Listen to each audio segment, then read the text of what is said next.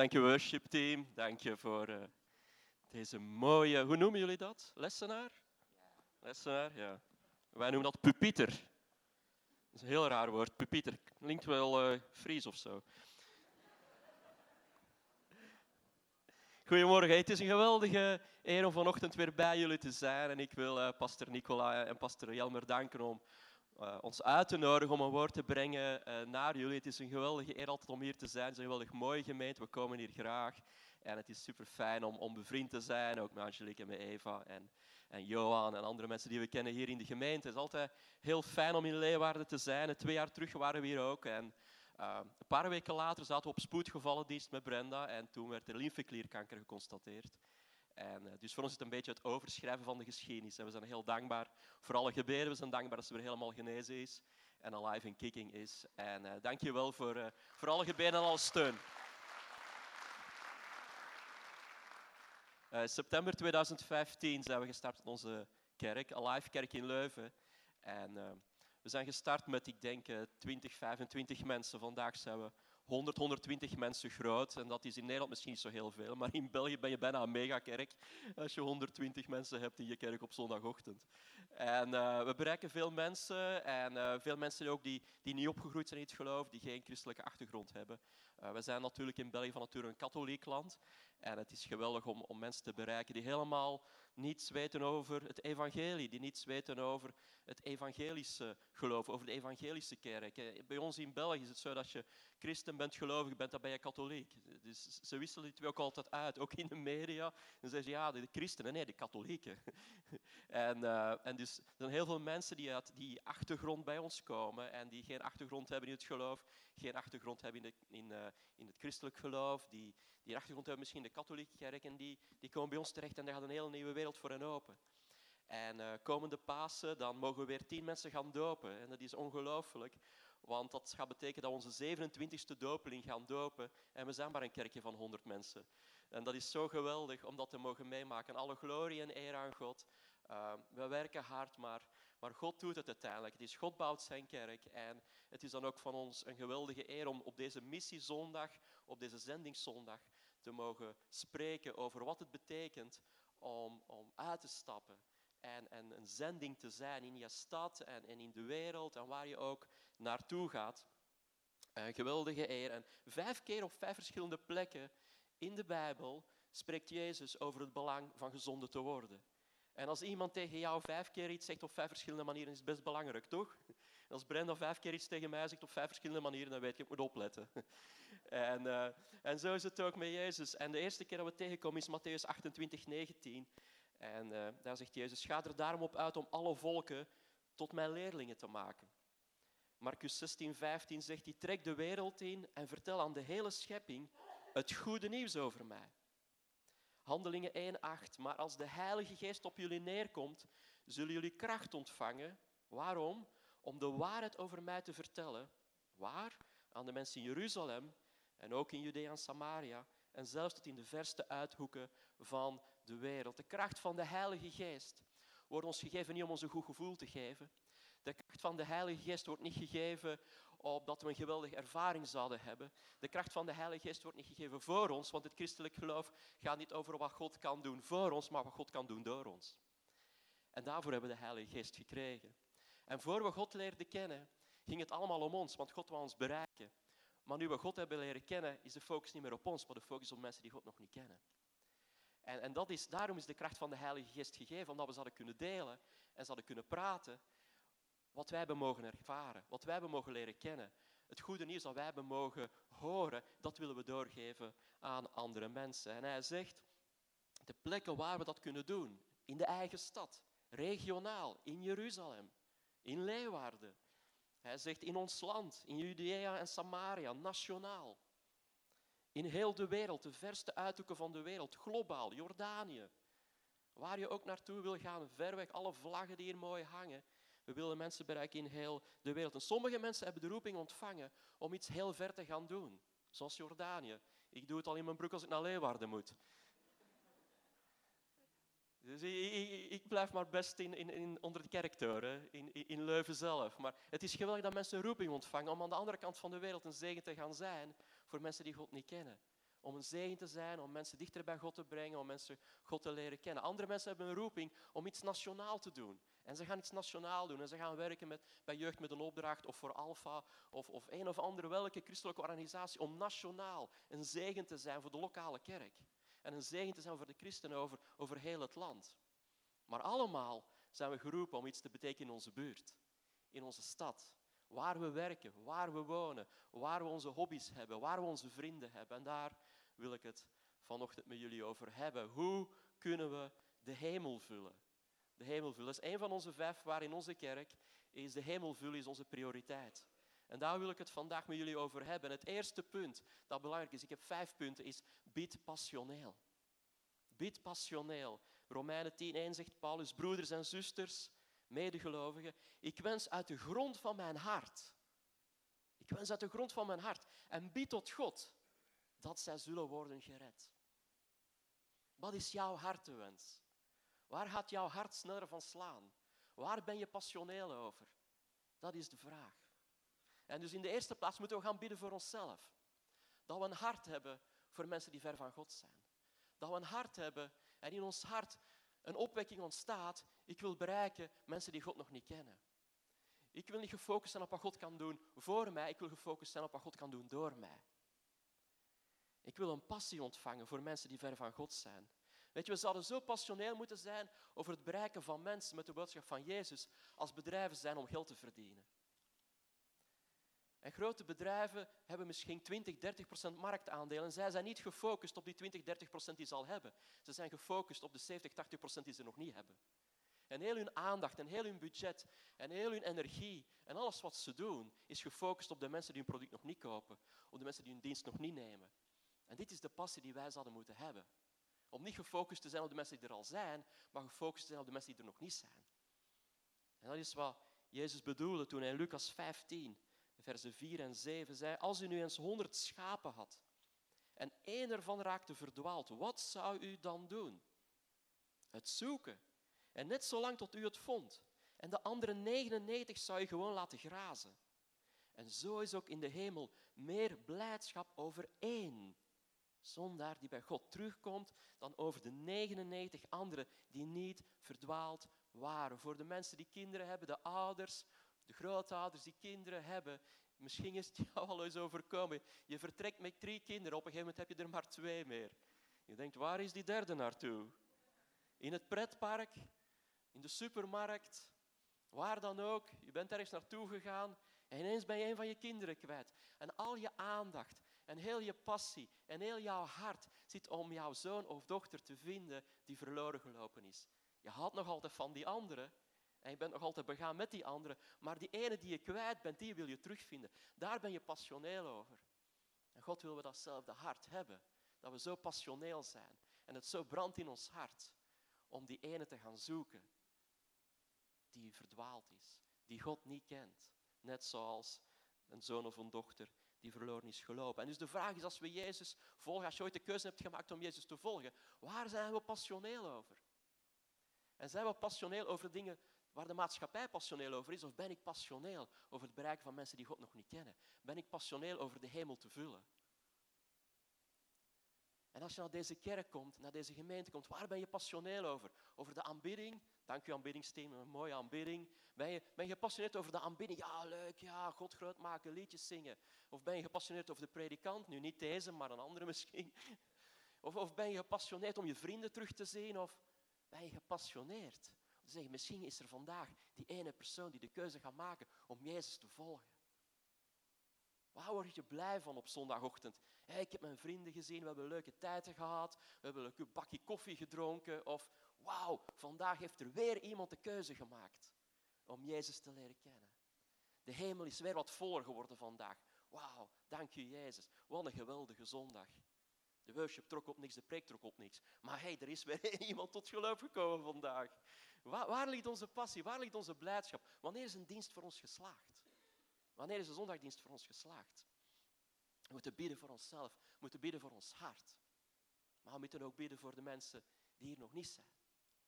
En sociologen zeggen dat we allemaal invloed hebben op 12 tot 17 mensen. Allemaal. Allemaal hebben we invloed op mensen rondom ons. 12 tot 17 mensen. Hoe komen ze aan dat cijfer? Als je alle minuutjes optelt dat je met mensen spendeert op een week, en je telt al die minuten op, en al die mensen waarmee je op een week meer dan één uur spendeert, kom je altijd op een getal tot 12 tot 17 mensen uit. Altijd. Altijd.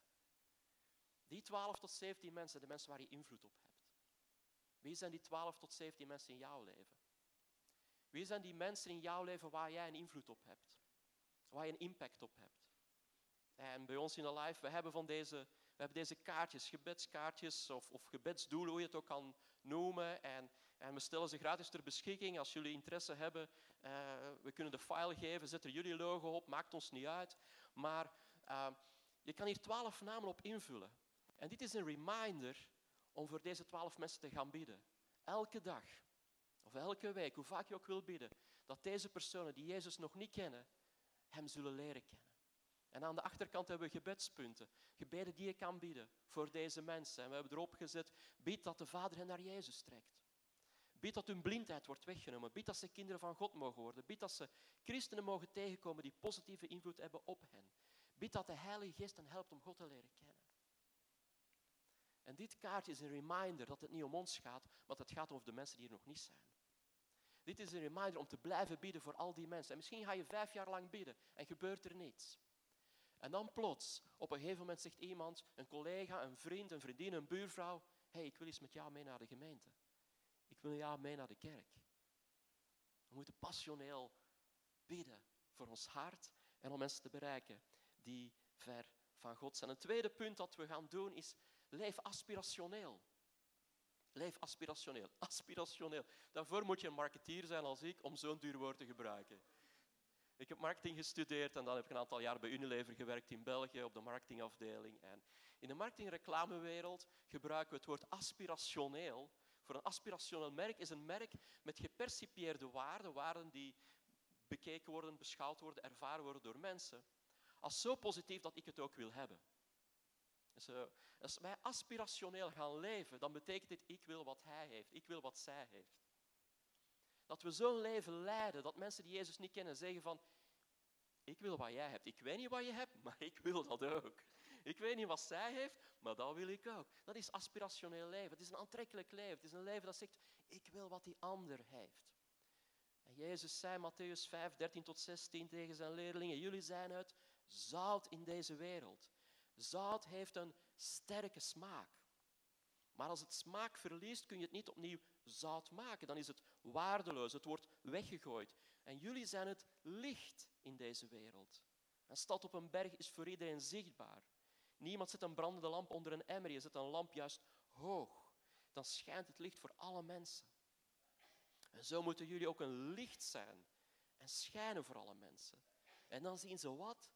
De goede dingen, de aantrekkelijke dingen, de aspirationele dingen die jullie doen en zullen ze jullie hemelse Vader eren. Zout maakt dingen smakelijker. Licht maakt dingen duidelijker. Dit is waar we voor geroepen zijn. Om smaak en licht te zijn, om smaak en duidelijkheid te geven aan de omgeving rondom ons. De mensen rondom ons die Jezus niet kennen. Zij hebben nood aan smaak in hun leven. Vergis je niet, ga niet af op het uiterlijk. Don't judge the book by its cover. Kijk niet naar de, naar, naar, naar de omslag. Zij hebben Jezus nodig, zij hebben smaak nodig, zij hebben duidelijkheid nodig. Waar ga ik vrede vinden? Waar ga ik vreugde vinden? Waar ga ik vrijheid vinden? Waar ga ik voldoening vinden? Hoe moet ik deze beslissing nemen? Hoe kan ik mijn huwelijk redden? Hoe kan ik een beter huwelijk hebben? Hoe kan ik mijn kinderen opvoeden? En wij zijn het licht. Wij verschaffen de duidelijkheid aan hen. Jouw leven kan het verschil maken voor mensen. Wees het verschil voor mensen. Maak het verschil in hun leven. Maak het verschil in hun leven. Voeg waarde toe aan mensen in hun leven. Doe iets voor mensen zonder iets voor terug te moeten hebben. Maak het verschil. En dit is iets wat we ook heel erg op ons hart hebben voor, voor onze stad en wat we doen als kerk. En we doen heel veel zaken in de stad. Gisteren hadden we een opruimactie. Dat betekent, we gaan zwerfvuil opruimen. Dit is geen evangelisatie. Niemand weet dat we een kerk zijn. We praten met niemand, maar we willen de liefde van Jezus steunen voor onze stad. We willen demonstreren wie Jezus is. We willen dat handen en voeten geven. We willen het verschil maken in de stad. We willen iets doen zonder iets terugkrijgen. Ik zeg altijd, we hebben geen verborgen agenda. Dit is niet ons evangelisatieproject. Dit is ons project om liefde te tonen, om aantrekkelijk te zijn, om het verschil te maken zonder iets terug te krijgen. Dit is, wij houden van jullie, wij willen een zegen zijn, wij willen het verschil maken. Is jouw leven in de ogen van mensen aspirationeel? Is het aantrekkelijk? Hebben mensen zoiets van, ik wil wat hij heeft, ik wil wat zij heeft, ik wil wat zij hebben? Is jouw leven helemaal herkenbaar, maar radicaal anders? Helemaal herkenbaar, radicaal anders. Het probleem voor de meesten van ons is dat we in een van deze twee categorieën vallen, maar niet in de twee categorieën. Sommige mensen zijn helemaal herkenbaar, maar niet radicaal anders. Andere mensen zijn radicaal anders, maar helemaal niet herkenbaar.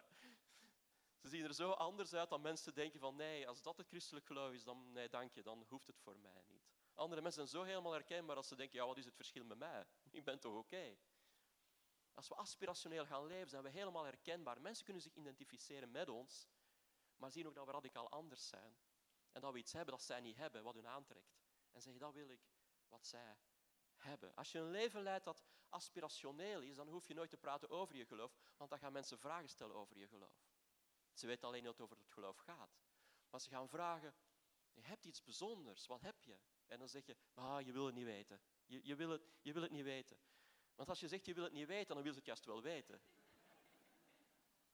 Dus, nee, nee, je wil, het, je wil het niet weten. Ja, wel, ik wil het echt weten. Nee, je gaat teleurgesteld zijn. Nee, nee, ik ga echt niet teleurgesteld zijn. Wel, ik ben christen. Oh, oh, oh. Ja, de, ik zei toch dat je teleurgesteld ging zijn.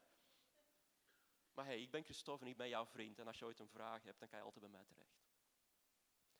Of je zegt tegen mensen, oh, ik wou dat je mijn kracht kon geven. Jouw kracht kon geven? Ja, ik wou dat je mijn kracht kon geven. Welke kracht dan? Nee, ik ga het er niet over hebben. Nee, het is, nee, dat, uh, nee, nee, we gaan het over iets anders hebben. Ja, je kan het niet verstaan. Waarom kan je het niet verstaan? En je, en, en vertelt over het geloof. Of je zegt, ja, ik, ik, ik wou dat je mijn oplossing kon geven. Jouw oplossing kon geven? Welke oplossing dan? Ja, nee, ik kan het niet vertellen, want dat werkt alleen maar voor mij. Hoe, dat werkt alleen maar voor jou? En je praat over het evangelie je zegt waarom het alleen maar voor jou werkt. Als je aspirationeel gaat leven, dan gaan mensen vragen stellen. En dan hoef je zelf niet te preken. Want dit, dit is het. We hoeven mensen niet te bepreken, we moeten mensen hongerig maken. We moeten mensen zien dat doen krijgen. En dat is wat we doen als we aspirationeel leven. Ze zeggen, hmm, wat is dat? Ik wil dat ook. Wat heeft hij zo bijzonder? Wat heeft zij zo bijzonder? En dat derde punt is daaraan gelinkt. Het is deel intentioneel. Deel intentioneel. Als mensen jou aanwezigheid op social media bekijken, heel veel mensen zitten vandaag op social media, maar als mensen jou aanwezig op social media bekijken, hebben ze zoiets van, hmm, ik wil wat zij heeft, ik wil wat, wat hij heeft. Of zie mensen sowieso niet dat je christen bent op social media? En ik vraag niet om, om mensen te bepreken, ik vraag niet om bijbelteksten te posten. Ik vraag om je leven te posten en dat doe je toch al. Ik vraag je om te posten wat het belangrijkste is voor jou. Wat het belangrijkste zou moeten zijn voor jou. Wat het belangrijkste is voor de mensen die jou zien op social media. Maar jammer genoeg hebben we allemaal een soort filter geplaatst dat we niet tonen wat eigenlijk het belangrijkste is. We tonen wat we gegeten hebben, waar we op reis zijn geweest, hoe leuk het was met de vrienden, maar niemand ziet vaak wat het belangrijkste is voor ons. En dit is het punt, als zij niet gaan horen, als zij niet gaan lezen wat ons anders maakt, hoe gaan ze het ooit horen? Paulus schrijft in Romeinen 10, vers 13 en 14, want er staat ook ieder die de naam van de Heer aanroept, zal gered worden. Maar als zij niet in hem geloven, hoe kunnen ze hem dan aanroepen? Als zij nooit van hem gehoord hebben, hoe kunnen ze dan in hem geloven? Als niemand hun over hem vertelt, als ik nooit iets plaats op Facebook, op Instagram, op Twitter, op Snapchat, op whatever over mijn geloof, hoe kunnen zij het dan ooit horen? Hoe kunnen ze het dan ooit horen? Deel intentioneel. Deel jouw leven, je doet het toch al. Post, post foto's van je connectgroep. Post foto's van, van de worship repetitie. Post foto's van hoe je inzet in je team. Post foto's van de zondagdienst. Check in. Uh, nodig mensen uit voor de, voor de, voor de Goede Vrijdag-event dat jullie gaan doen. Nodig mensen uit. Stuur de, stuur de uitnodiging, post een foto. En, en, en maak mensen hongerig voor de kerk en voor Jezus. Want nogmaals, het heeft geen zin om hen te overladen met bijbelteksten. Mensen snappen dat niet, mensen hebben daar niets aan. We maken hongerig. Laat hem proeven. Weet je, als je, binnenkort komen de zomerse dagen er weer aan, lentedagen eraan. En dan maak je een fietstochtje of een wandeling of een boottochtje. En dan is iemand aan het barbecuen. En dan heb je die heerlijke geur in je, in je neus van mm, barbecue. Oh, schat, gaan we ook barbecuen straks? Gaan we ook wat vlees ophalen? En dan heb je zin, het water loopt al bijna in je mond. Of je bent in de supermarkt en er zijn die lekkere koekjes. En, oh, eens proeven meneer, eens proeven mevrouw. Lekkere brownietjes. Dit is wat we moeten doen met geloof. Hé, hey, kom, kom, kom proeven. Dit is Jezus. Dit is de kerk in de 21ste eeuw. Dit is hoe Jezus het verschil kan maken voor jou. Komt dat Is dat een beetje goed Fries? Nee, blijkbaar niet. Blame Google Translate. Nee, kom bij de vader, kom bij de vader, kom bij de vader, kom bij de vader. Nou, nu hebben ze hem door, ja. Ja, komt helemaal goed hoor. Ik schrijf me voor een avondcursus Fries. Maar we moeten mensen hongerig maken. Mensen hongerig laten maken, dat ze zin krijgen in het evangelie, ze zin krijgen in Jezus, zin krijgen in de kerk. Ze denken van, oh, ik mis iets in mijn leven. Ik mis iets. Als ik niet naar de kerk ga, dan is mijn leven niks waard. Als ik Jezus niet ken, dan is mijn leven doelloos. Ik moet hebben wat zij hebben. Maar dat kunnen ze alleen zien als wij demonstreren. In onze levenshouding, maar ook door, door wat we delen. Met onze mond, maar ook op social media. Psalm 34:9 smaakt en ziet dat de Heer goed is. Welzalig de man die bij hem schuilt. Laat ons, laat ons proevertjes geven. Laat ons mensen zin geven in Jezus en in de kerk. 4.4. Investeer relationeel. Investeer relationeel. Er is een gezegde dat zegt, je vangt meer vliegen met een druppel honing dan met een liter azijn. En veel christenen maken niet-christenen boos in plaats van hongerig. En als we mensen willen overtuigen van het evangelie, als we mensen willen overtuigen van het goede nieuws, dan moeten we hen hongerig maken, niet, zeg je het, pissig maken. Dan moeten we hen niet boos maken, dan moeten we hen hongerig maken. En dus bouw bewust relaties. Investeer in relaties, onderhoud relaties. Niet om iets terug te krijgen, maar om iets te geven. Niet om een energie uit te halen, niet om een fijne tijd te hebben, maar om iets te investeren qua tijd en qua energie in mensen, opdat ze Jezus zouden leren kennen. Matthäus 9, 35, 36. Zo trok Jezus rond door alle steden en dorpen. Hij onderwees de mensen in hun synagogen, verkondigde hun het grote nieuws over het koninkrijk en genas hen van alle ziekten en kwalen. En bij het zien van de menigte was hij zeer met hen begaan.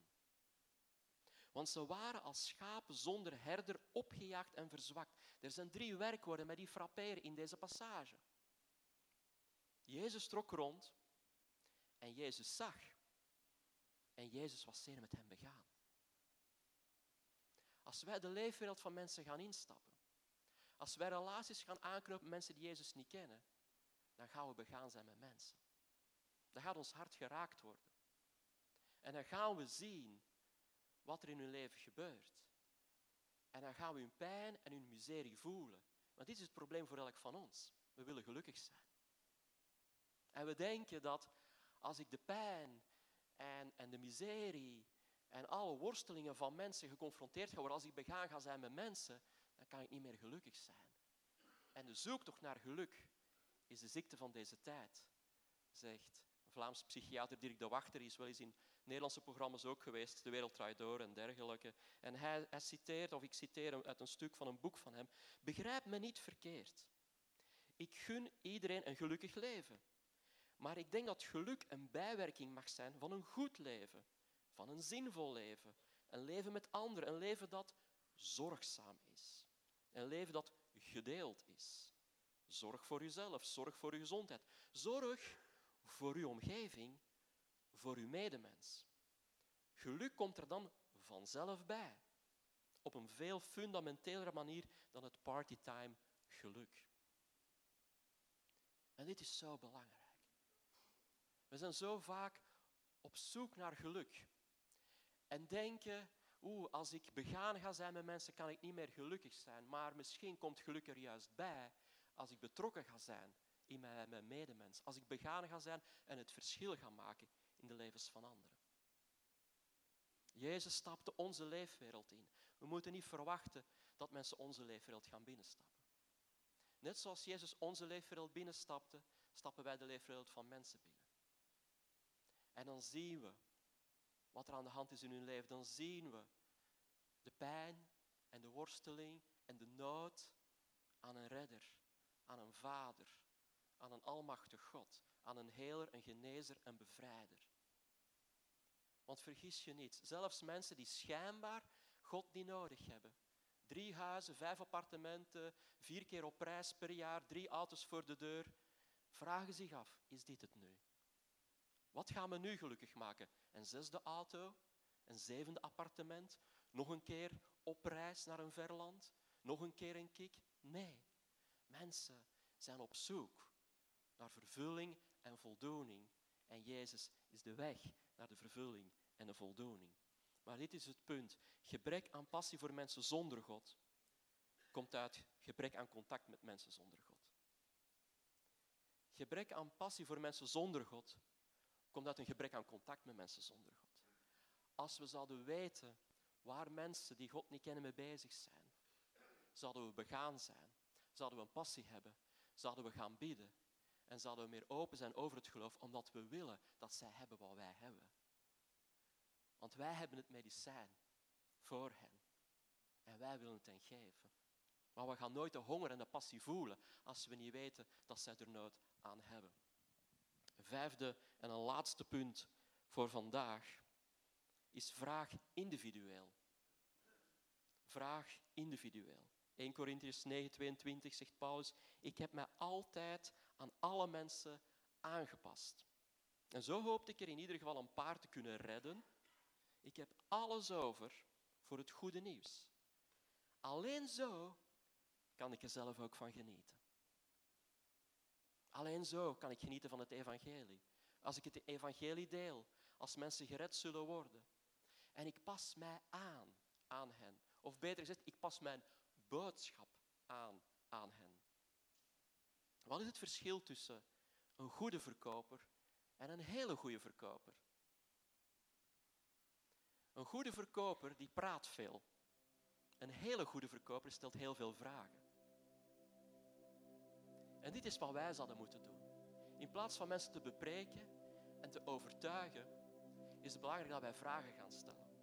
Als we vragen gaan stellen, gaan we ontdekken waarom mensen niet in God geloven. Waarom mensen niet naar de gemeente komen. Waarom mensen nooit een keuze maken. Waarom en welk beeld ze hebben over God. Laat ons vragen stellen, zodat we onze boodschap kunnen aanpassen. Sommige mensen hebben het gevoel, ik heb zoveel op mijn kerfstok, ik heb zoveel gedaan in mijn leven, God kan mij nooit aanvaarden. Die persoon heeft een andere boodschap nodig dan iemand die een totaal verkeerd godsbeeld heeft. Er zijn mensen die het geloof rationeel benaderen, hebben veel vragen. Ja, maar hoe zit het met dat en met dat en met dat en met dat? En ze hebben een andere boodschap nodig dan mensen die het geloof emotioneel benaderen. En meer met hun gevoel benaderen. En we willen ons aanpassen aan één ieder, omdat er toch maar één iemand gered zou worden en naar de hemel zou gaan en de hemel voller zou worden. Leer van vragen te stellen aan mensen. Stel vragen zoals, wat is jouw grootste angst? Wat is jouw grootste teleurstelling in jouw leven? Waarom denk jij dat we op aarde zijn? Wat denk jij dat er is na de dood? Is er iets tussen hemel en aarde, denk jij? Waarom? Als je één vraag kon stellen aan God, wat zou jij vragen? En leer van mensen waar ze mee zitten. Leer begrijpen wat hun godsbeeld is. Wat hun weggaat van God. Wat hun weggaat van de gemeente. Wat hun weggaat van een leven dat wij mogen beleven. Lieve mensen, stel dat je de oplossing had voor de ongeneeslijke kanker, voor de ongeneeslijke ziekte die er is. Jij hebt het medicijn om die persoon te genezen. Het zou erg crimineel zijn om het voor onszelf te houden. Niet? En dit is wat het evangelie is. Het is een krachtig medicijn. voor wie erin geloven. Het, het, maakt het verschil. In dit leven het maakt het verschil voor de eeuwigheid. Dus laten we passioneel bidden. Kan je je voorstellen hoe Leeuwarden, hoe Friesland er zal uitzien als we met z'n allen hier vanochtend aanwezig passioneel gaan bidden, dat we een hart mogen hebben voor mensen die ver van Hem zijn. Dat we met een passioneel hart gaan bidden voor die mensen, die 12 tot 17 mensen in onze omgeving, die op ons kaartje noteren. Heer, ik bid u voor mijn collega die recht over me zit op het werk. Heer, ik bid u voor mijn buurvrouw. Heer, ik bid u voor mijn vriendin. Dat u ze trekt, dat u haar ogen opent, dat u de blindheid wegneemt. Maak haar hart zacht. Trek haar naar u toe. Hoe zal deze stad en deze provincie kunnen veranderen? Als mensen God leren kennen en vrijheid vinden, hun doel gaan ontdekken en het verschil gaan maken zodanig dat ze voldoening gaan vinden in hun leven. Laten we passioneel bidden, laten we aspirationeel leven, laten we een leven leiden dat aantrekkelijk is, dat mensen zin geeft, dat mensen vragen doet stellen, dat mensen zegt, ik wil wat jij hebt, ik weet niet wat het is, ik weet niet wat het moet kosten, maar ik wil wat jij hebt. Ik wil dat leven dat jij hebt. Laten we intentioneel delen met anderen.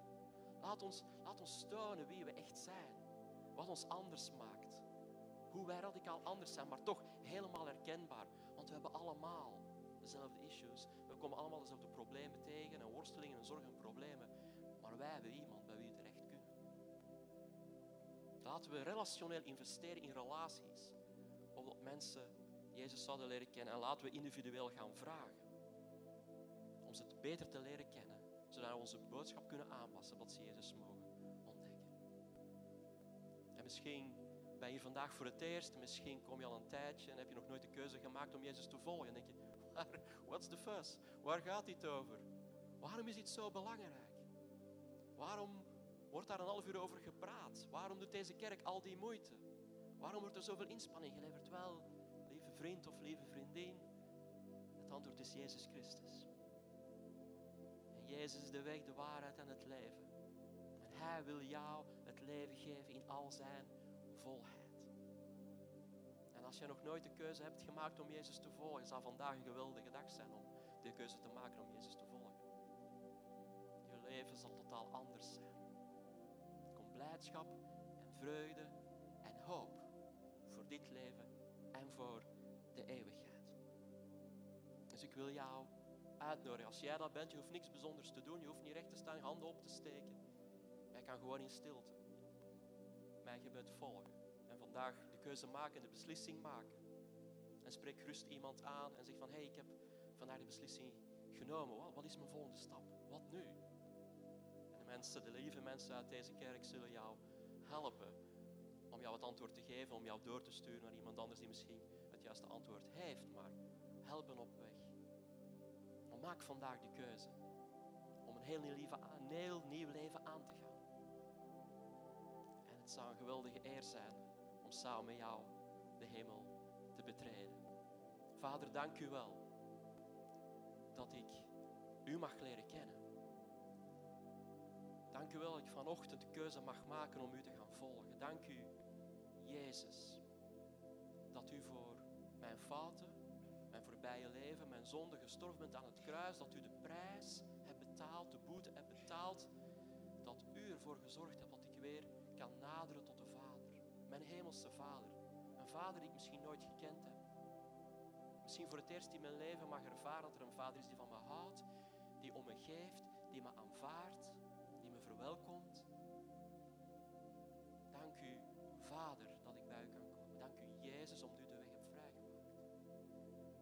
Dank u dat het door geloof en genade is, niet door prestaties. Dank u dat u mij aanvaardt. Jezus, wilt u mij vergeven en wilt u mij vullen met uw Heilige Geest? Wilt u mij herstellen in het plan dat u hebt voor mijn leven, in het doel dat u hebt voor mijn leven? Maak mij nieuw.